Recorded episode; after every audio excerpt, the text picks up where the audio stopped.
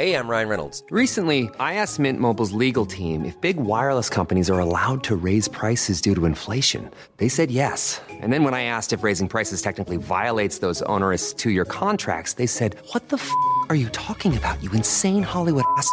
So to recap, we're cutting the price of Mint Unlimited from $30 a month to just $15 a month. Give it a try at mintmobile.com slash switch. $45 upfront for three months plus taxes and fees. Promo for new customers for limited time. Unlimited more than 40 gigabytes per month. Slows. Full terms at mintmobile.com. Halo, selamat datang di Ganteng-Ganteng Manchester United Podcast. Balik lagi bersama kita berdua dengan gua Alvin dan juga Saung yang kayaknya udah Jumat keempat nih ya. Kita bukan Jumat berkah lagi nih. Udah lama nih nggak cuma berkah bro. Benar, benar. Karena gue udah pernah bilang ya waktu itu. Jadi Jumat, empat Jumat terakhir kita tuh adalah dua-dua lawan Sevilla, Hmm. 3-0 lawan Sevilla, Hmm. dua dua lawan Tottenham dan ternyata sekarang 1-0 lawan Brighton. Mhm. Yang mana ternyata kita dikecewakan ya dengan gol di menit Lagi-lagi. ya lagi-lagi dikecewakan setelah babak pertama yang bagus tapi kemudian babak kedua yang ternyata 9, eh, 180 derajat.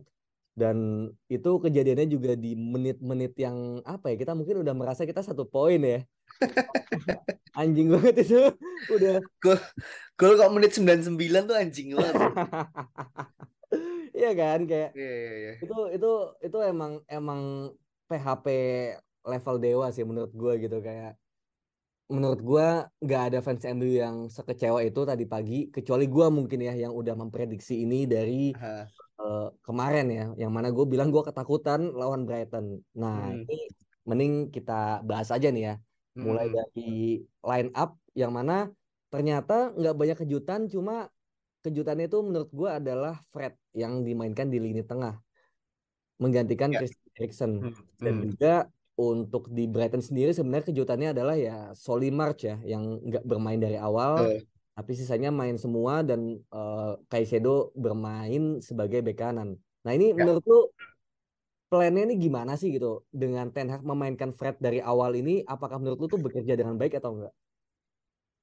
Menurut gue sih malah justru eh, apa yang dilakukan Ten Hag itu benar-benar bekerja dengan baik ya gitu. Dalam artian kayak mungkin setiap orang akan kaget gitu kan melihat performa Fred di minggu-minggu terakhir kan dia sangat bapuk gitu kan. Cuman kemarin eh, dia sangat on point gitu kan dan gue mengerti kenapa eh, Fred ini dimainkan gitu daripada Sabitzer gitu karena Brighton kan emang cenderung bermain dari belakang ya.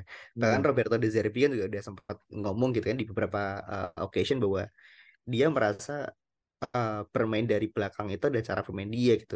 Amannya tuh ya lo bawa bola dari belakang eh, ke depan gitu. Kali-kali lo rebut bola di tengah ya lo bawa bola dari belakang. Dan Oh. Fred ini gitu kan dengan eh, energinya yang luar biasa gitu dan dengan pressingnya yang cukup bagus gitu dan apa namanya eh, cara dia mengganggu lah ya kasarannya di eh, apa namanya back four-nya Brighton tuh menurut gue emang cukup solid gitu dan ini pun juga terbukti dengan banyaknya kesempatan ya eh, chance yang eh, apa namanya lini depan kita punya kita di babak pertama yang sayangnya gitu kan laki-laki kita tidak punya eh, kesempatan untuk membunuh permainan itu secepat mungkin gitu loh. Hmm, iya, iya, Let's say kayak dari chance-nya Anthony gitu kan, ada dari Martial juga gitu, Rashford juga beberapa kali. Jadi kayak Casemiro juga kan. Casemiro gitu. Jadi apa yang udah Ten Hag rencanakan gitu ya dengan game plan-nya itu semuanya ya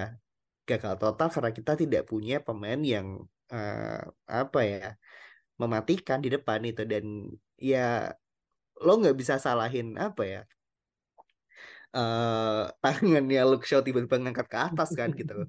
Kalau misalkan lo bisa cetak tiga gol di babak pertama kan lo kebobolan satu gol di menit akhir kayak ya udahlah gitu. Jadi kayak menurut gue sih kalau misalkan ada banyak fans gitu menyalahkannya ya lo lihat tuh Luke Shaw eh, blunder apa segala macam ya lo nggak nonton pertandingannya berarti.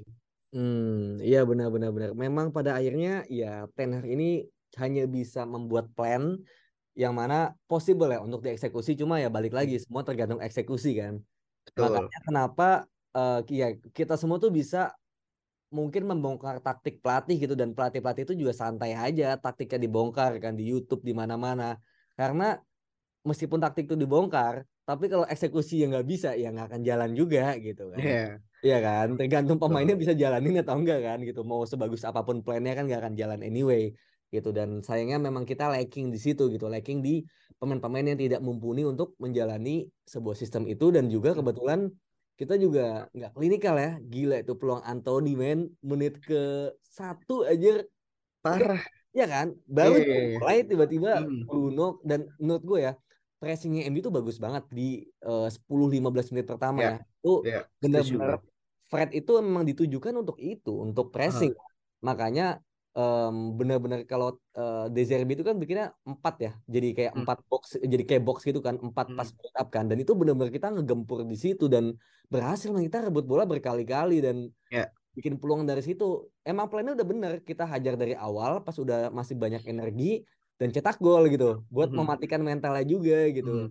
dan sebenarnya ini kan udah bekerja ketika lawan Spurs kan. Kita bisa Hmm. cetak dua gol di babak pertama sayangnya ya nggak lanjut gitu. Kalau ini malah kita nggak klinikal sama sekali gitu sih. Jadi memang sangat disayangkan ya peluang-peluang itu. Nah ini em, akhirnya ada momen juga di mana Lindelof ya sempat sempat eh, apa blunder Ya. cuma untungnya oke gitu yang mana em, De Gea ya kena mukanya dan menurut lu di babak kedua nih ya ini kenapa nih MU lagi-lagi mengalami penurunan yang drastis ya di mana kita again gak bisa konsisten dari babak pertama kemudian udah bagus babak pertama udah kita mungkin merasa ini bisa lah cetak-cetak satu gol gitu kan kedua tapi lagi-lagi gitu kayak lawan Tottenham babak kedua tuh literally udah nggak ada desire energi. Hmm. bahkan pemain udah diganti pun kayak masih sama aja gitu. Ini ini ada apa nih bro menurut lo? Mentalitas sih. Apalagi ya karena dari 8 game ya lawan top 9 di Premier League lo cuma dapat imbang sekali gitu. Dan yang lainnya kalah bro. Jadi kayak kalau lo nggak punya mentality untuk kill the game gitu kan di eh, apa namanya di away games ya iya lo bisa apa men gitu. Dan ini kan udah di sisa-sisa pertandingan ya di sisa-sisa eh, musim gitu ya dengan kita masih punya empat match lagi kalau misalkan kita nggak bisa lima kita. Ah ya masih di, masih lima match lagi kalau misalnya kita nggak bisa capitalize apa yang kita punya gitu kan itu wah gue nggak bisa ngebayangin Liverpool masuk Liga Champions sih paham gak lo? Jadi kayak eh eh, harus apa ya apa yang oleh pada saat itu punya gitu kan ketika dia on beaten games tuh yang harus direplicate sebenarnya gitu. Dan eh, mentality itu sih gitu yang yang mungkin susah ya untuk untuk direplikasikan ya sekarang gitu. Dan selain itu kita juga tidak punya kedalaman squad yang mumpuni sih kayak yang tadi lo bilang Hmm. jadi ketika kita stuck nih gitu kan di eh, pertandingan di menit 60 70 sedih gak sih lo, lo masukin buat Weghorst ngerti gak lo? Kayak lo bisa apa bro gitu. Iya kan? iya iya benar-benar Karena. Cho nggak ada. Lo udah kasih semua opsi attacking terbaik lo di 45 menit awal gitu kan di Martial, eh, Anthony dan juga Rashford tapi nggak ada yang bisa nih untuk cetak gol gitu kan. Sancho ya kadang-kadang cuman kan kayak ya lo nggak bisa bro gitu. Lo nggak bisa eh maraton 38 match gitu ya dalam satu musim tanpa striker men. Jadi kayak Hmm, dan apa yang udah Ten Hag capai menurut gue itu udah overachieve luar biasa sih Iya, gitu. iya, iya, Dengan benar-benar. tanpa kehadiran striker tuh luar biasa sih sebenarnya. Jadi kayak hopefully sih di sisa-sisa pertandingan ini United ini ya eh, waras dikit ya.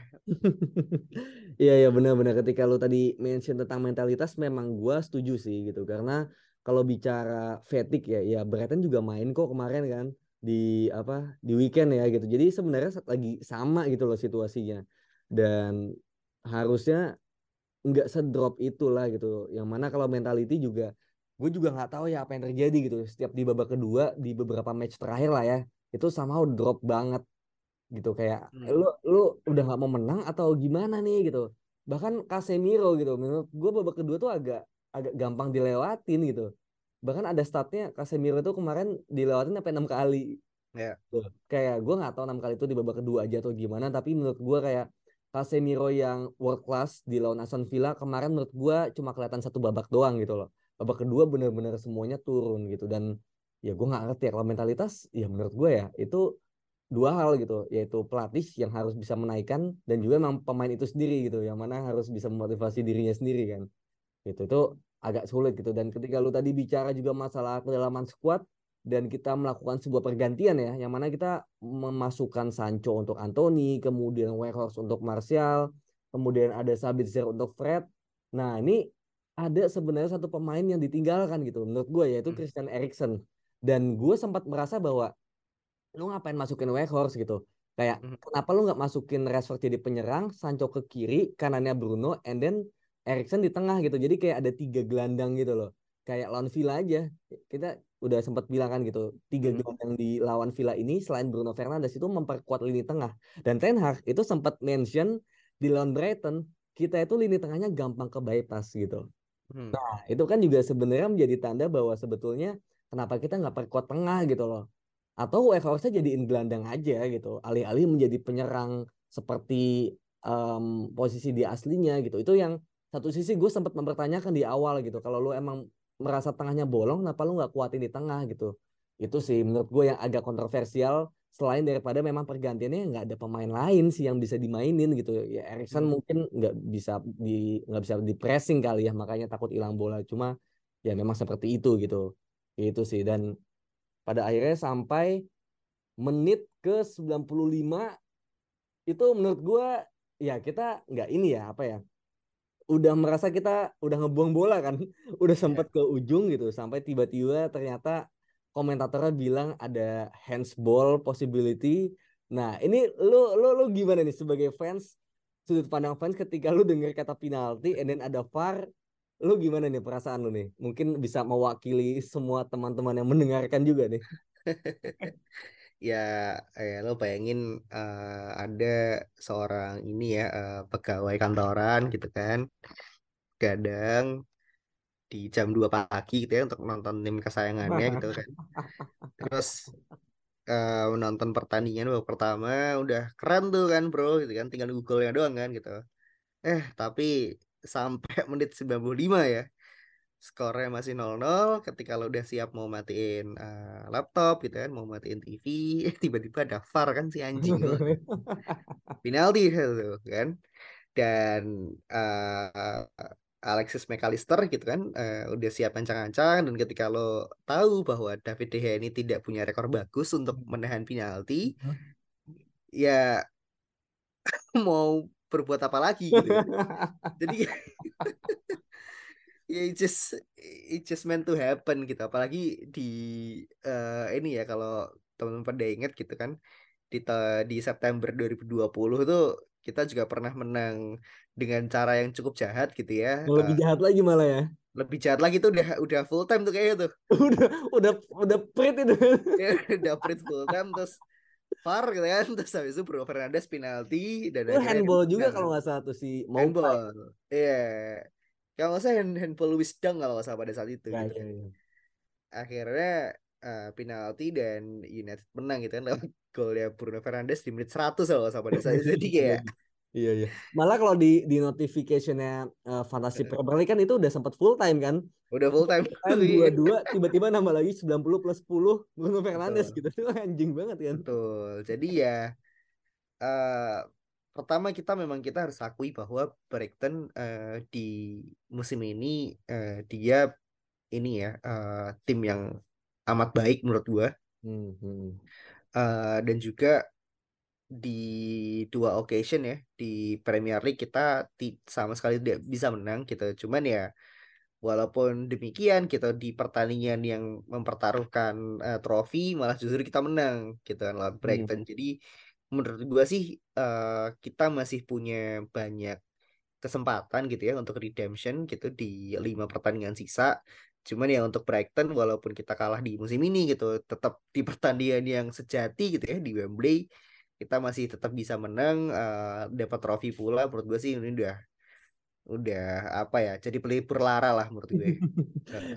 Iya benar benar benar memang ah gimana ya kalau kalau kalau mungkin banyak fans yang kecewa gitu kan tapi jujur Hmm. kalau gue merasanya memang gue udah bilang gitu kan di episode sebelumnya buat yang mendengarkan juga bahwa gue bilang kalau imbang aja udah bagus gitu jadi ketika ternyata imbang sebenarnya udah bersyukur tapi kalau kalah kayak ya nggak heran sih gitu gue malah Hmm. lebih sebel pas dua-dua lawan Tottenham gitu karena anjing harusnya menang men gitu loh Betul. dibandingkan kemarin tuh kayak kemarin tuh memang lebih pantas seri menurut gua gitu karena dari expected goals di luar penalti itu kita sama-sama 1,3 menurut gua gitu. Bukan Ah. menurut gua ya memang ada ininya ya di Twitter tuh 1,3 gitu. Ditambah penalti tambah satu jadi 2,3 si Brighton gitu. Jadi kita tuh sebenarnya memang pertandingan ini gue yakin pantas untuk 0-0 gitu loh. Cuma Right. bener yang lu bilang tadi ya ini memang karma aja gitu. Kita pernah menyakiti mereka lebih sakit. Sekarang ya dibalas dengan seperti ini. Jadi ya fair lah gitu. Tinggal bagaimana kalau Ten Hag kan agak template ya. Setelah pertandingan dia bilang kalau kita harus bounce back gitu. Selalu gitu kan kayak di weekdays kita hancur, di weekend kita bagus gitu. Gitu Ya. terus.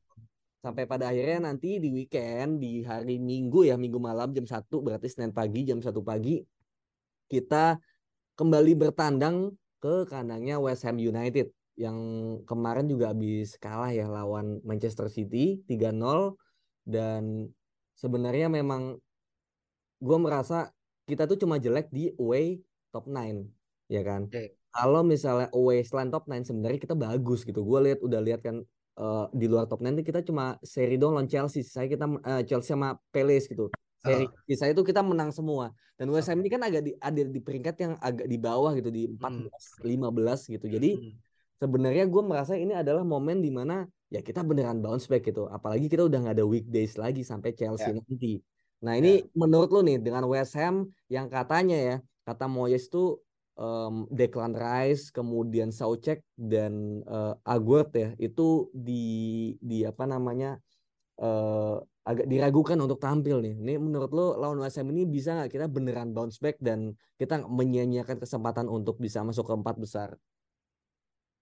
Menurut gue sih sangat memungkinkan gitu ya apalagi eh, West sendiri juga di bawah asuhan Moyes menurut gue juga eh, udah cukup aman sebenarnya di eh, papan tengah gitu kan.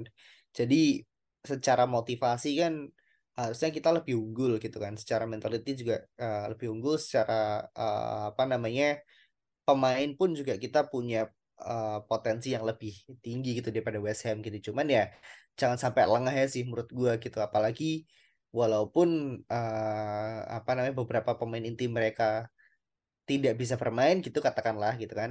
Cuman pe- pe- cuman beberapa pemain inti yang kita punya kan juga belum tentu mainnya bener juga kan. Iya iya iya. Jadi kayaknya nggak ngaruh gitu loh. Yang penting kayak kita bisa main dengan eh, efektif kan dengan klinis. Ya jadi kalau misalnya kita bisa maksimalkan tiga atau empat chance gitu ya supaya kita bisa lebih klinikal menurut gua sih United akan aman ya. Hmm, oke oke. Berarti memang pada akhirnya concernnya lebih kepada ini ya, betapa bagaimana kita bisa menyelesaikan peluang ya.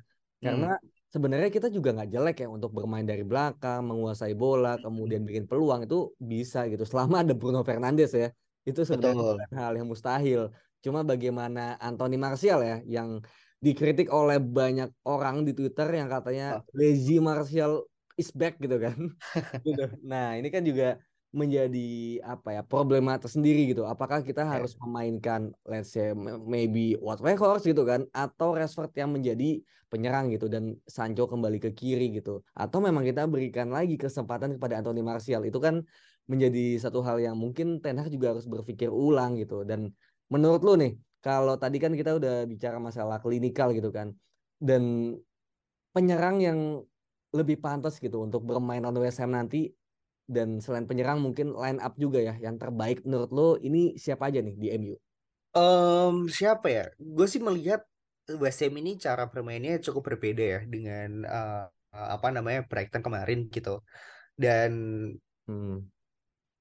lini tengah menurut gue malah jadi kunci gitu. Apakah nanti misalkan kayak Declan Rice memang main, ya Hmm. berarti kita harus punya lini tengah yang cukup eh, kuat gitu. Whether kayak, kayak kita nanti akan mainkan Casemiro, Erikson dan juga Bruno Fernandes, menurut gue tuh udah cukup solid gitu. Dan Fred gue rasa akan jadi pembeda juga gitu ya ketika dia dimasukkan di babak kedua Hmm. dan menurut gua kalau misalkan memang Martial tidak punya eh, energi gitu ya untuk bermain besok Garnacho kabarnya juga udah cukup siap gitu ya untuk bermain di hari Minggu jadi Hmm, mungkin oke. kita eh, bisa melihat Garnacho di sisi kiri, eh, Rashford di depan, dan juga eh, Anthony di kanan gitu. Back four menurut gue sama sekali nggak ada komplain menurut gue. Eh, walaupun kemarin sempat eh, blunder sedikit gitu ya eh, di Lindelof ketika salah passing, tapi Hmm. selain itu eh, tetap solid sih, men. Mhm. Iya ya, Luxio tetap main ya berarti ya, Tetap main lah. tetap main ya. Nggak ada pilihan lagi juga kan. Tapi ya selain itu pun juga dia tidak bermain buruk gitu. Hanya Betul. apa saya sih menurut gue. Apes aja benar-benar sampai dia juga komen kan kayak gua aja nggak tahu tangan gua kenapa ada di sana kan. Iya ya emang agak-agak kasihan gitu. Cuma eh gua gua setuju tadi yang masalah lini tengah ya bagaimana kita Hmm. harus memperkuat lini tengah dengan mungkin nanti tengahnya bakal apa ya duel lah ya gitu ada Declan Rice ada Soucek juga itu bagaimana dua pemain yang bagus dalam duel gitu dan mungkin dengan kemarin diistirahatkannya Sabitzer gitu bergantian dengan Fred ya kali ini menurut gua ada kemungkinan Sabitzer yang akan bermain gitu. Gua nggak tahu ya apakah Erikson juga tetap akan dimainkan tapi bisa juga gitu loh. Tadi meskipun lu melihatnya Anthony ya di kanan gitu. Gua gua merasa Anthony nggak jelek kemarin lawan Brighton, cuma memang emosional ya. Saking keselnya dia main nendang gitu kan. Gitu. Jadi gua merasa eh, nggak tahu ya, gue melihat pertandingan lawan Villa di mana kita sangat bisa memegang kendali dan itu lini tengah juga sangat berpengaruh menurut gua ya. Dengan adanya empat pemain tengah ya menurut gue karena Bruno juga gua nggak pemain tengah ya yang bermain di sayap itu menurut gue bisa direplikasi sih gitu menjadi Hmm. opsi bagi Ten Hag ya untuk menguasai pertandingan gitu Hmm. dengan mengorbankan maybe ya Anthony itu di babak kedua nantinya baru bisa dimainkan jadi let's say kayak Casemiro, Sabitzer untuk tukang jagalnya dan juga Erikson ya sebagai pengaturnya gitu. Karena kalau Sabitzer doang kurang gitu. Dan akhirnya Bruno di kanan tengahnya Rashford dan kirinya Sancho gitu. Jadi memang seperti lawan Villa kemarin kita memainkan tiga nomor 10 yaitu Bruno, uh, Sancho dan juga Sabitzer gitu. Itu menjadi opsi lain sih da, uh, selain daripada opsi yang biasanya mungkin diturunkan ya oleh Ten Hag. Tadi Anthony di kanan, Rashford tengah dan juga kirinya lu bilang Garnacho ya. Yang mana Hmm. kalau gua lihatnya Garnacho maybe di sub sekali ya gitu kan. Tapi kalau starter kayaknya soon sih menurut gua gitu kan. Kalau menurut gua ya gitu. Jadi menarik juga sih melihat Garnacho babak kedua em, punya speed, punya agresivitas dan juga Fred ya babak kedua. Jadi semoga pergantian juga bisa menjadi kunci sih menurut gua di pertandingan nanti gitu. Dan menurut lu satu pemain Ham nih yang mungkin lu waspadai untuk mungkin melakukan hal-hal yang seperti Brighton lakukan kemarin gitu, hal-hal unpredictable. Wah. Ini siapa nih satu pemain West Ham? Satu pemain West Ham. Hmm, siapa ya? Sebenarnya selain selain Declan Rice sih, gue jujur nggak ada pemain yang emang uh, mesti khusus kita uh, lihat ya sebenarnya gitu. ya. Mungkin Hmm. kipernya kali. Fabianski. Fabianski, Fabianski itu di pertandingan sebelumnya dia jago loh bro lawan United pada saat itu ya. Oh, Dan iya. eh, apa namanya kembali lagi nih musuh United itu kan bagaimana kita klinis di depan gawang kan gitu. Hmm, hmm. Ketika kita bisa memanfaatkan eh, apa namanya blunder-blunder atau kesalahan-kesalahan yang mungkin akan dilakukan oleh Fabianski gitu kan, itu akan jadi momen penting sih di mana kita bisa eh, capitalize hal tersebut gitu sama halnya ketika kita menang 1-0 lawan Aston Villa kemarin gitu.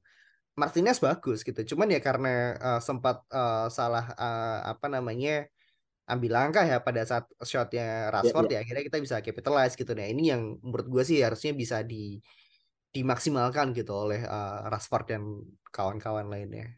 Hmm, iya iya. Kalau siapa? Oke, kalau satu pemain West Ham Hmm. menurut gua apa ya? Gue melihat bagaimana kalau back itu kita bakal solid lah ya gitu. Hmm. Cuma gue merasa gue takut sama eh, bola atas sih gitu. Yang mana Hmm. Lindelof sama Shaw ini kan nggak terlalu tinggi ya gitu. Ya. Maksudnya bukan kayak Maguire yang atau Varane yang benar-benar eh, apa namanya di bola atas tuh superior gitu. Jadi gue khawatir sama Thomas Soucek sih gitu. Kayak West Ham kalau nggak salah cukup bagus corner kicknya, free kicknya gitu. Jadi Rice juga cukup tinggi, Soucek juga belum dua back tengahnya dan juga penyerangnya mau itu Danny Ings atau Antonio gitu kan. itu menurut gua uh, harus diwaspadai ya gitu. Meskipun kita pun musim ini nggak lagi kayak dua musim lalu yang punya Ole ya, yang kita kebobolan berapa kali dari set piece gitu. Jadi cuma tetap aja gitu kayak ya lawan Brighton juga set piece meskipun bukan problem tapi ternyata ada something ya kan yang terjadi gitu dari dari masalah corner. Jadi True. gua terlepas dari itu Thomas Saucek sih. Kalau dia main, tapi kalau nggak main menurut gua Bowen sih. Bowen di kanan. Jared Bowen ya. Iya, iya gitu. Jadi hmm tergantung Diogo Dalot juga sih kalau dia bisa solid dan juga mungkin nggak terlalu maju banget gitu ya harusnya Bowen bisa dimatikan sih gitu jadi sebenarnya nggak terlalu ada pemain apa ya West Ham ini sebenarnya ya gue merasa kalau lawan MU tuh nggak nggak jago-jago amat ya kalau lawan MU ya kayak menyulitkan tapi nggak lagi yang sesulit itu gitu. Jadi ya ya ya. gue agak merasa nggak akan sesulit itu harusnya nggak ada pemain yang menonjol banget gitu. Hmm. dan ini kan away ya bro ya? Ini away dia ranking 14 kalau nggak salah. Dan juga um, kita lagi butuh nih kita butuh tiga kemenangan lagi untuk bisa ceiling top 4 dan seberapa yakin lu bisa menang di pertandingan ini? Yakin banget sih gue yakin banget ya karena ya uh, itu tadi gitu kita punya reason yang sangat kuat gitu ya dibandingkan Ham pada saat ini. Uh, dan juga secara kolektif kita kita juga punya pilihan pemain yang tetap di atas kertas tuh masih jauh lebih baik gitu ya dengan cara bermain yang menurut gue uh, Ten bisa adaptasi di segala macam pertandingan gitu kan sebenarnya gitu kan. Dan dia juga bisa apa ya bisa ngebedah lini belakang pertahanan seperti ap apa pun sih menurut gue gitu dengan cara permainannya gitu. Karena ya lo lo bisa lihat pattern permainan itu tuh diterapkan dengan baik tapi ya United nggak klinikal aja. Jadinya kayak lo tetap frustrasi kan nontonnya gitu. Dan West Ham-nya Moyes ini kan beda dengan West Ham-nya Slaven Bilic zaman dulu kan gitu. Beda hmm. dengan West Ham-nya uh, Samuel Artes zaman dulu yang lo ketika nonton Ham ya lo akan siap selama 90 menit 90 menit dia parkir bis gitu apalagi zamannya di Carroll gitu kan jadi kayak uh, menurut gue sih pertandingan besok akan tetap jadi pertandingan yang cukup terbuka gitu ya. Dan United dengan transisi cepatnya, dengan uh, Bruno Fernandes dengan passing-passing magicnya sih menurut gue sih tetap harusnya sih tetap unggul sih. Gitu. Hmm, iya iya iya setuju sih gue kayak gue nggak merasa ini akan menjadi laga yang apa ya ya mungkin tipis lah gitu kan tipisnya hmm. juga karena MU gak klinikal juga gitu loh tapi secara permainan harusnya MU bisa cetak lebih dari satu gol bisa lebih, ah, bukan easy win ya tapi lebih ke mungkin comfortable win gitu ya kayak menang dengan nyaman gitu loh dengan bermain bagus gitu menurut gue ya meskipun banyak yeah. Ya. uh, pihak juga yang merasa lawan West Ham ini bakal seri tapi somehow ya MU kan seperti yang kita udah udah pernah bahas ya MU tuh bisa bounce back mentalitinya ini naik ketika kita habis kalah gitu loh kalau between games gitu jadinya somehow dengan kekalahan kemarin yang sangat menyakitkan ini juga ada motivasi tersendiri bagi pemain MU yang ingin bounce back gitu sih. Jadi gue pun juga cukup yakin dan kalau skor gue pede untuk lebih dari satu. Kebobolan atau enggak gue nggak tahu gitu. Cuma gue pede bisa lebih dari satu sama. Kalau lo gimana?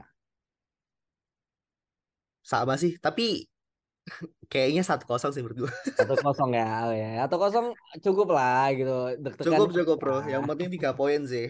Yang penting tiga poin benar-benar karena memang tiga poin itulah yang kita butuhkan di pertandingan lawan West Ham, lawan Wolves dan juga lawan Bournemouth. Semoga kita bisa main dengan bagus, dengan nyaman dan gak bikin deg-degan lagi lah ya, kayak lawan Brighton kemarin. Itu aja paling dari kita berdua. Semoga weekend kita, Senin kita ya, Senin kita dibuka dengan senyum yang sumringah. Amin. Itu aja kita. See you. See you in the next episode. Bye bye.